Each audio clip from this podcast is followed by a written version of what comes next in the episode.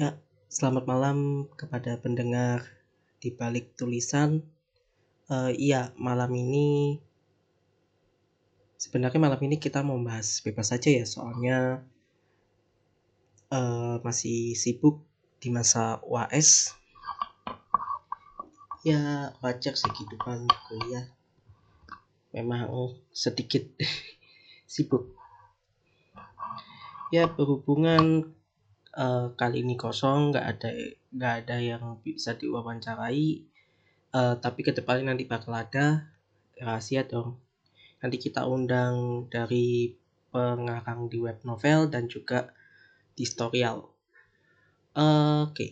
di ya malam ini kita ngomong santai aja ya. Nggak perlu uh, serius nggak ada. Ya memang dasarnya pengen ngomong biasa saja sih hari ini. Soalnya juga uh, barusan selesai tugas tadi. Aku hmm, uh, aku mau bahas sebenarnya uh, aku mau bahas ini uh, tentang novelku yang aku buat. Uh, judulnya mas uh, mungkin kalau misalnya yang sudah baca di web novel juga pernah ada yaitu semesta mesper atau mesper universe. Ya uh, ini beneran ini kayak aneh nih soalnya nggak ada nggak ada diajak ngomong dan ngomong sendiri aku di rumah. Oke okay. tentang mesper universe.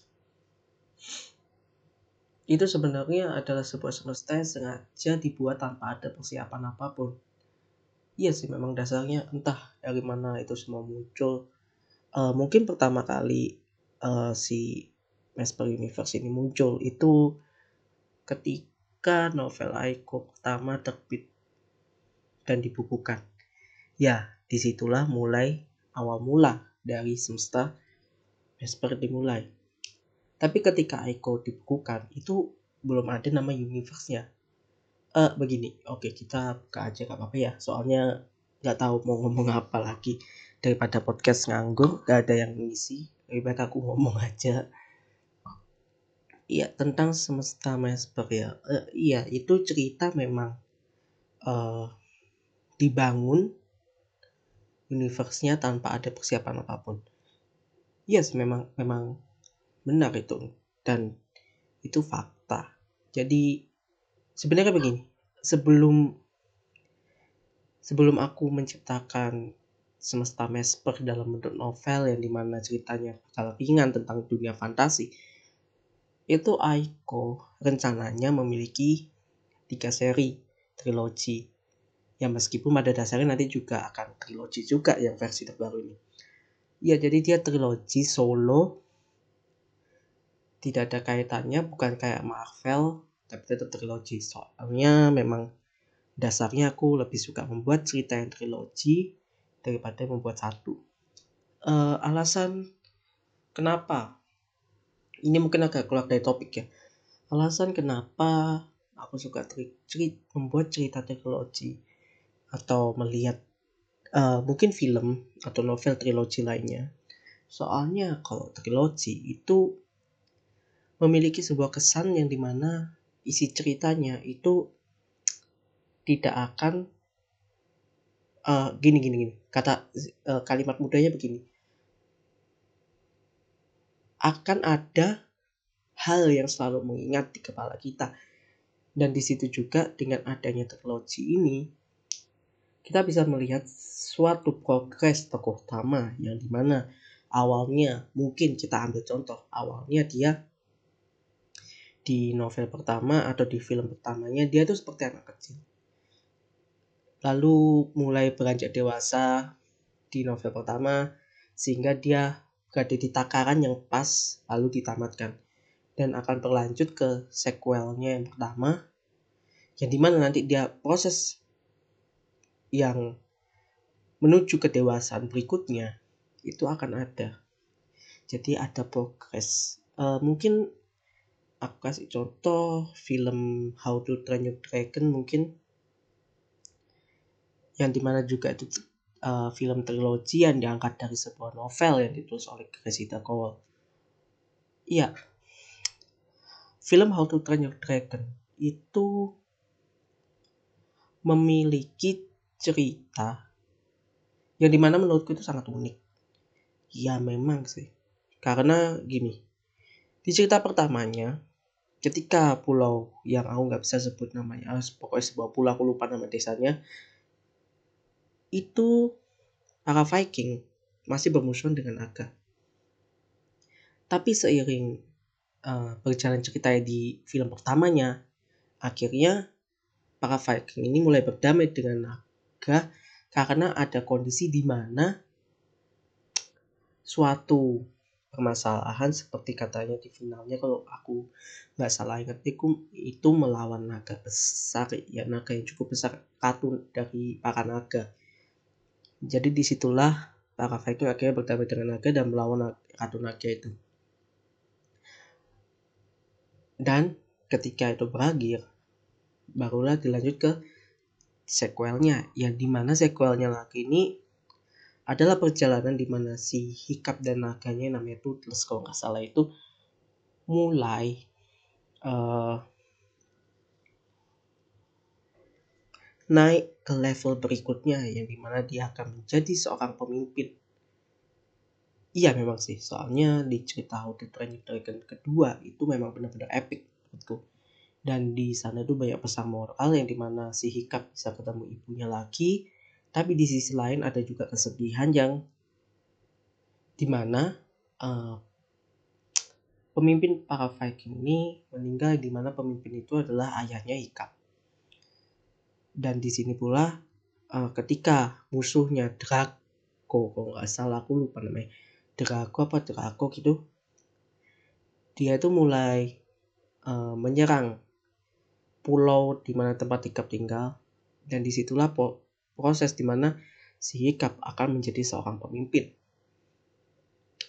Lalu, lalu lanjut lagi ke cerita ketiga atau film ketiganya yaitu How to Train Your Dragon The Hidden World.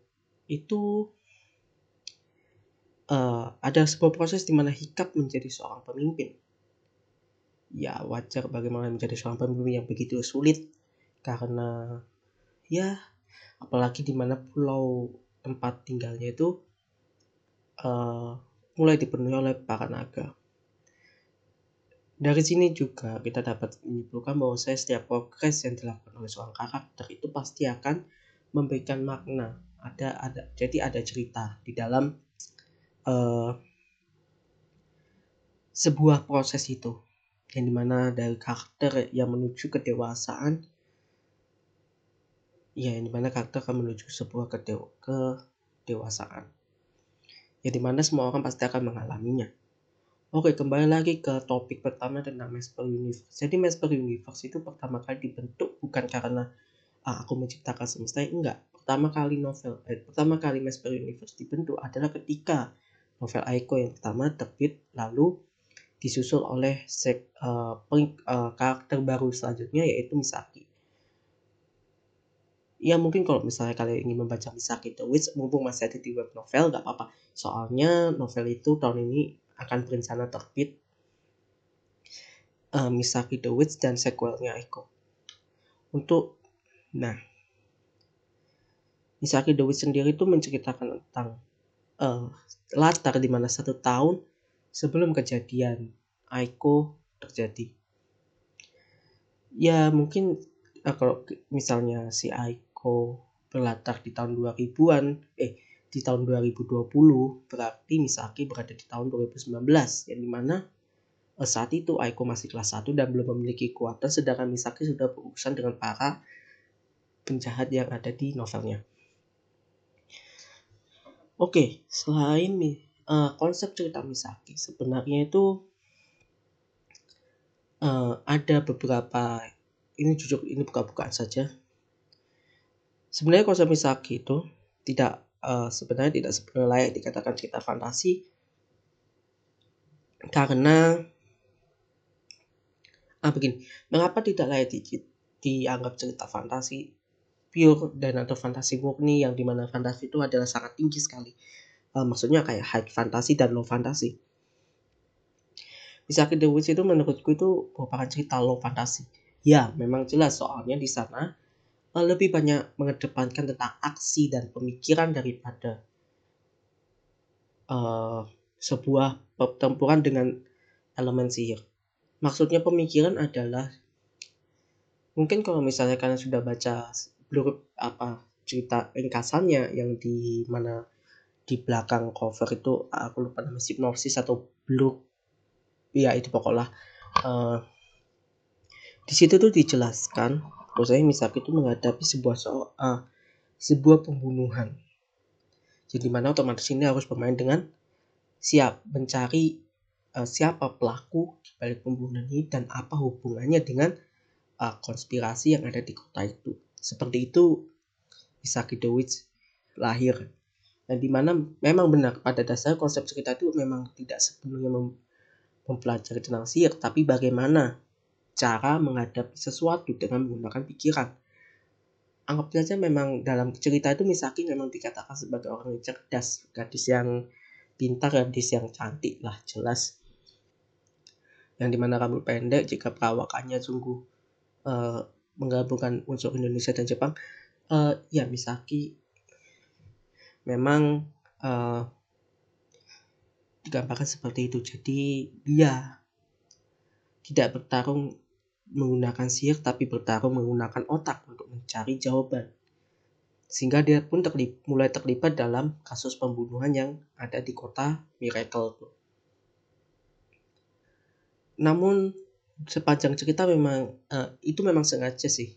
Cerita Misaki memang Misaki the Witch itu memang sengaja tidak aku beri sebuah uh, maksudnya tidak memang sengaja aku bikin karakternya tidak mampu menggunakan kekuatannya. Meskipun kedua orang tuanya merupakan keturunan penyihir. Tapi mengapa kok kenapa aku tidak um, full menggunakan maksudnya membuat Misaki ini menggunakan kekuatan secara penuh. Maksudnya kayak Misaki bisa mengalami sihir. Soalnya yaitu tadi karena aku ingin mendepankan sebuah tokoh cerita fantasi yang di mana mereka ini akan bertarung menggunakan otaknya daripada menggunakan fisik. Sehingga di situlah kenapa cerita Misaki pada novel pertamanya. Dia diceritakan tidak mampu menggunakan sihir sehingga dia mengalami kegagalan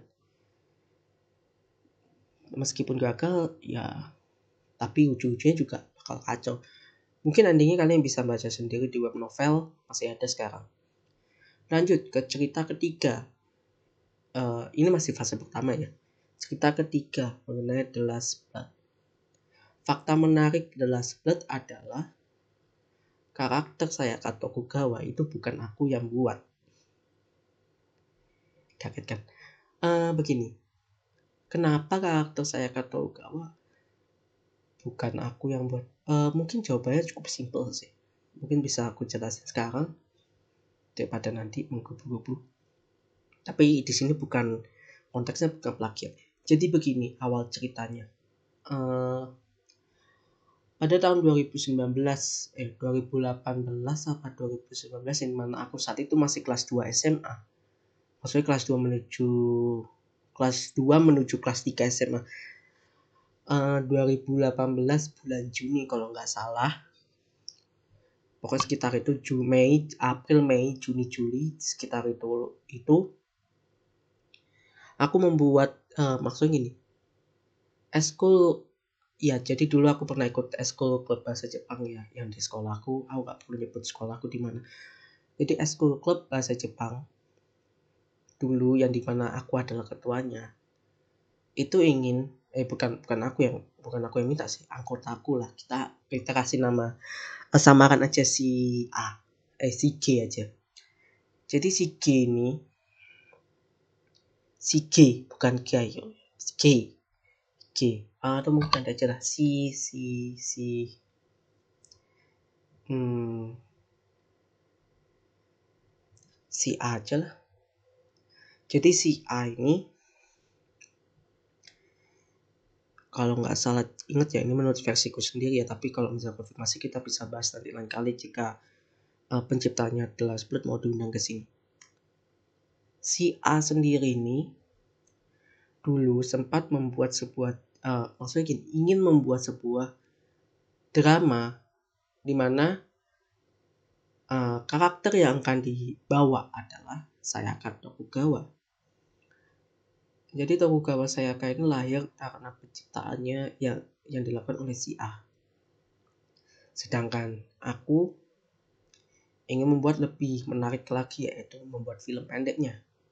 Oke, kita sepakat semua satu anggota membuat film The Last Blood. Jadi The Last Blood itu awalnya bukan langsung ujuk-ujuk novel, langsung tiba-tiba novel enggak. The Last Blood itu awalnya karena sebuah film pendek. Nah, ketika The Last Blood sudah dikonsep berdasarkan tokoh-tokohnya, ada saya Tokugawa, ada Toyotomi, ada Minami Okuda, ada Tuan Okuda, ada siapa lagi aku lupa. Banyak deh pokoknya aku lupa. Di konsep akhirnya di sana mulai ada pembuatan skrip. Yang di mana yang melibatkan pembuatan skrip ini adalah aku dan juga teman sekelasku yang kita sebut dengan si. Nah, aku dan S membuat sebuah skrip dengan judul The Last proses pembuatan skrip ini sering kali banyak sekali perdebatan dengan si A tadi. Si A minta seperti ini sedangkan aku memiliki konsep yang lebih menarik karena harus membawa unsur emosian emosional supaya dapat uh, menarik empati penonton kepada karakter saya kata Bukawa ini. Oke, kita menemukan jalan buntu dan ujung-ujungnya naskah pun selesai dengan diubah bahwasanya The Last Blood tidak belat. Uh, jadi gini, sebelumnya The Last Blood itu akan berlatar di hutan, tapi itu menurutku sungguh aneh uh, kenapa harus di hutan? Ya mungkin memang suasana Jepang di era itu masih hutan-hutan banyak pohon-pohon ya tapi aku nggak tahu lagi soalnya bukan anak sastra Jepang uh, ya mengenai gelas blood tadi saya mana ya tadi aku lupa ah ya ini mengenai gelas blood yang di mana cerita itu aku ubah dengan cerita versi baru lebih modern yang di mana latarnya di sebuah kota. Oke, nah setelah itu jadi skrip sesuai dengan permintaan karena aku berhasil membujuk si A tadi dan akhirnya wala naskah selesai. Uh, Oke, okay. selama proses kita benar-benar habis uang banyak sampai aku beli katana dan dia juga beli katana juga. Gak tahu sekarang katana ini mau dibuat apa, tapi gak apa-apa, enak dibuat pajangan. Uh, Oke, okay. selain The Last Blood selesai, akhirnya kita mulai syuting selama liburan semester. Oke, selama liburan semester memang banyak sekali kendala. Salah satunya adalah yang di mana si toko utama gak datang. Itu bikin kalian Ya selama kita proses memang banyak sekali perdebatan. Ini itu atas bawah sana samping kiri kanan atas. Ya memang kita sering kali berdebat lah di, di balik layar itu. Karena menurutku itu memang hal yang wajar sih. Oke setelah gelas plat selesai kita lanjut ke sek uh, akhirnya dimulailah film itu.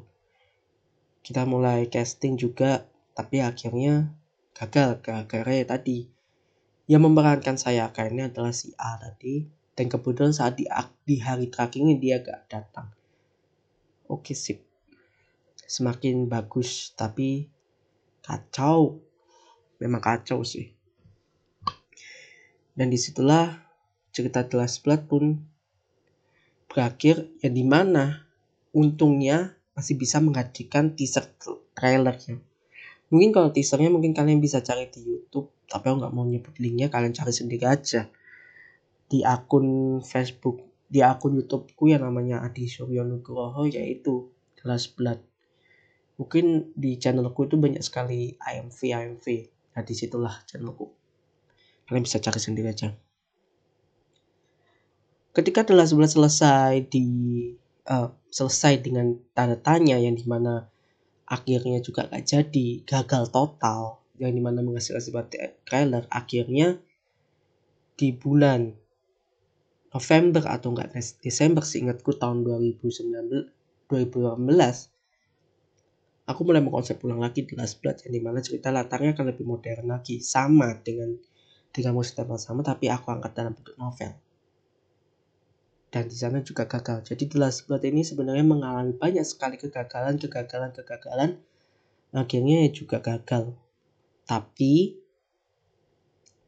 uh, beberapa hari yang lalu setelah Misaki The Witch selesai ditulis akhirnya ada yang memberikan pencerahan maksudnya maksud ini dalam diriku sendiri jadi dalam diriku itu udah mengatakan ya Glass Blood waktunya untuk dirilis. Karena cerita itu memang uh, konsepnya juga eman. Sudah dibuat tapi tidak pernah terrealisasikan dalam bentuk film. Akhirnya aku merealisasikan dalam bentuk novel. Ketika Misaki The Witch selesai ditulis akhirnya ya tadi aku sudah mengatakan bahwa saya ya waktu itu adalah seberat untuk terbit lagi.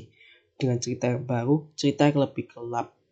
Cerita yang di mana mengusung masalah-masalah remaja di mana cerita itu juga kamu mengusung tentang persahabatan juga dan ya The Last Blood bisa kalian baca sendiri di Wattpad mungkin itu adalah cerita yang cukup nah, cukup bagus daripada Misaki The Witch dan Aiko sendiri.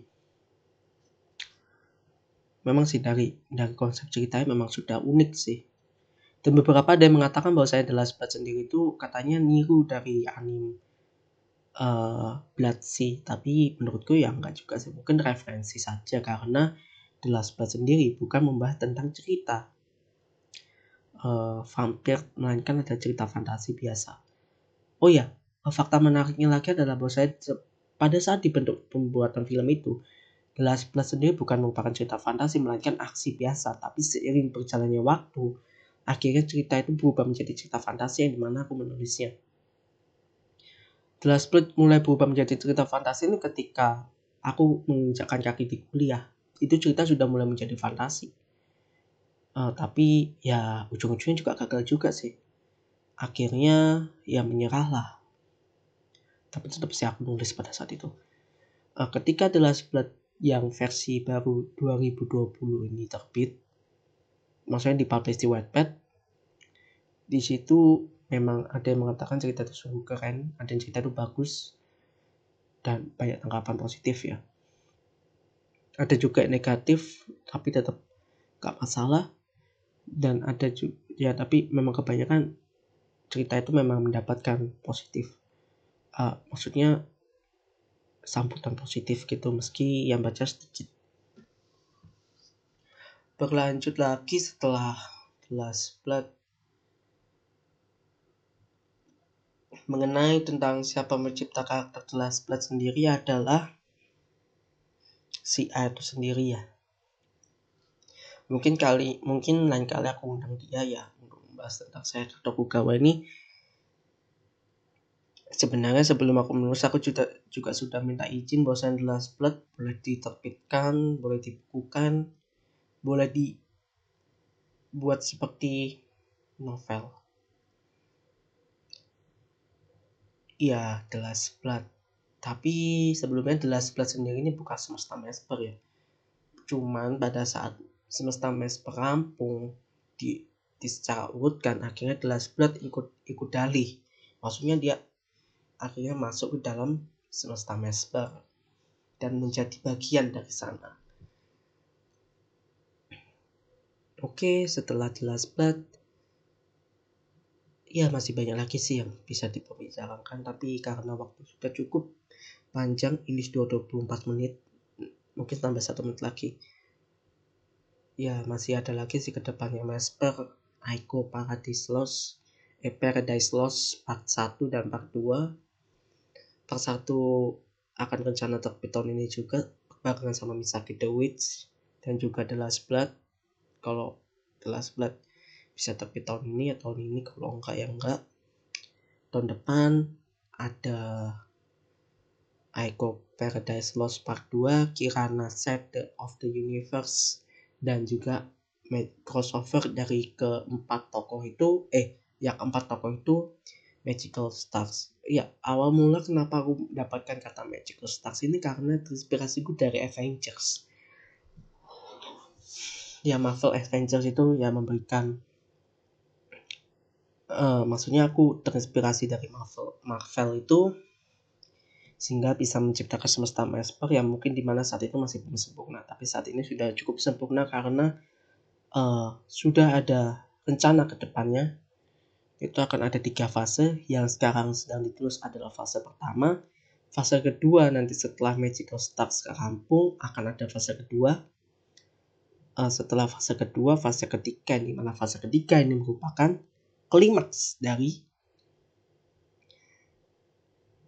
uh, seluruh cerita dan menjadi kesimpulan dan penutup yang cukup sempurna di serial Mesper ini fase 1 sampai fase 3 jadi fase 3 itu sudah benar-benar menjadi penutup yang sempurna penutup yang nggak bisa uh, entah akan lanjut apa enggak. Tapi di fase ketiga itu yang pasti ceritanya akan berakhir. Tapi apakah akan tutup atau tidak?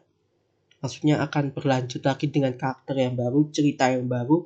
Nggak ada sangkut pautnya?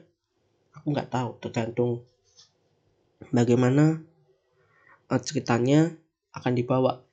Tergantung bagaimana ending dari Magical Stars yang akan ada di fase ketiga yang menjadi penutup seluruh fase.